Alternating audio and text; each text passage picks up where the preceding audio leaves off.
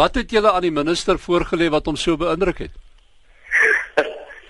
Ons het 'n hele nuwe raamwerk ontwikkel.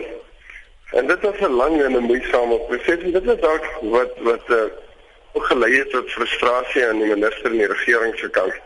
Ons het net besluit, jy weet, hierdie is 'n belangrike saak. Ons moet maar ons moet maar deur die prosesse gaan, 'n reuse tegniese proses geloods. Uiteindelik het ons 'n raamwerk voorgestel uh en ons ons ja, dit is eers toe ons het 'n tegniese komitee aangestel wat gedoen het en toe het ons 'n raamwerk voorgestel waar binne grondhervorming gedoen kan word en maar binne individuele besigheidsplanne vir grondhervorming gedoen kan word. Dit is 'n paar unieke kenmerke. Die eerste een is natuurlik dat daar hierdie raamwerk van beginsels opgestel word wat akkommoderend is vir 'n wye reeks planne. Hierdie nuwe en die plan van die nasionale ontwikkelings agentskap.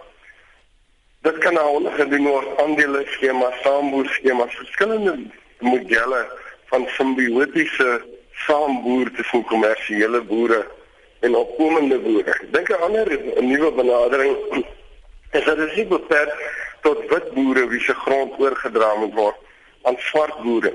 Maar dit is 'n brein en swart boere wat grond kan koop.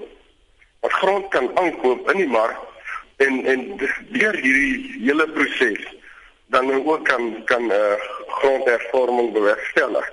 En dit is nie net be, beperk tot die areas waar daar blanke boere is nie, selfs in die in die kommunale gebiede. In ander woorde, ons sê hier kan miskien 'n nuwe benadering kom om uiteindelik selfstandige boere in die kommunale uh, gebiede te te vestig en eiendomsreg aan hulle oor te dra op 'n sagter en 'n makliker manier as om te gaan en te sê hier moet nou 'n hele totale stelsel herontwikkel. Daar word ook 'n spesiale doelvoertuig voorgestel om dit te doen, 'n sogenaamde special purpose vehicle. Hmm. Wat wat finansiering sal kry gesubsidieerde rentekoerse. En dit gaan op die ou en daaroor om suksesvolle boere te vestig.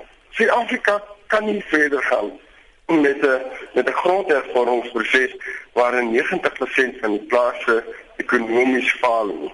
Ons moet dit regkry. Ons moet beweeg na 'n situasie toe waar meer as 90% van hierdie plase suksesvol is. En dis eintlik die raamwerk wat voorstel. En dan is, dan word daar vir al wie ons bedrywe 'n besigheidsplan vir elke individuele geval ontwikkel. So dis nie die regering se voorstel om meer van een groot te gaan almal nou pas en dit moet nou maar net pas. Maak nie saak hoe dit ek op jou neem. Ons is weg daarvan af.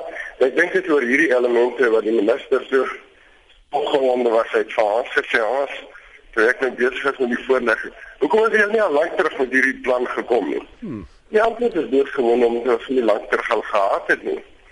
Ons vorige plan was eintlik om te sê die regering moet die grond koop en AgriSA via sy bedryfsorganisasies sal deel bly van van die boerontwikkeling daarna. En en ek dink jy weet dat dit miskien nie goed genoeg gewerk het. En uh en die minister het het op die ou en beloof. Ja, ek dink dit was ek weet nie of dit heeltemal duidelik was in die in die opname wat jy uitgesaai het.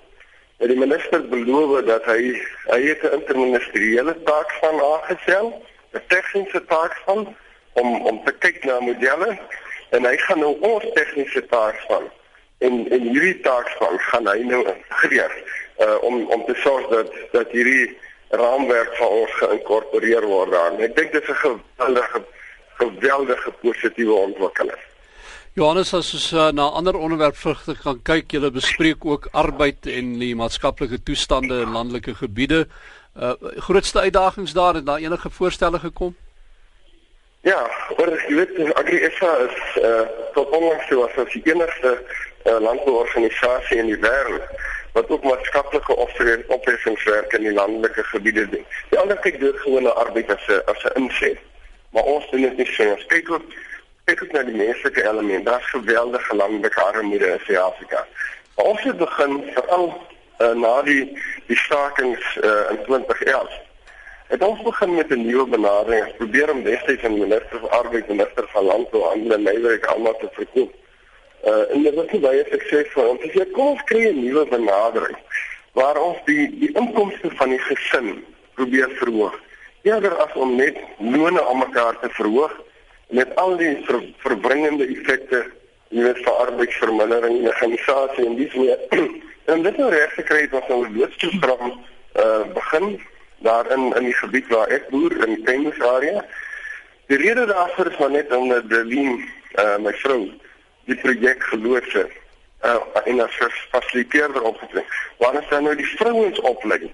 Die mans word dan beter opgelei as beter plaaswerkers en die vrouens word opgelei as entrepreneurs. Om buite kan die plaas waar hulle reeds 'n werkende basiese inkomste het en 'n huis en dis meer. Om buite kan die plaas dan nou nuwe ondernemings te begin en as entrepreneurs te ontwikkel. En daar daar's wonderlike goed aan die ontwikkeling. En as dit word befonds deur deur Agriseta en ook sommige van die landboubesighede En daar is enorme belangstelling aan. Ons wil hierdie program wil ons uitrol. En jy weet hierdie vrouens doen nou 'n kursus waar hulle gaan kan kwalifiseer vir 'n diploma. Daar word uh, vaardigheidsontwikkeling gedoen, maar ook ook entrepreneurs en besigheidsontwikkeling. Dis 'n moeilike kursus wat uiteindelik uitloop op 'n diploma. En dit is dis die benadering wat ons landwyd wil uitrol as ons hierdie loofprojek afhandel.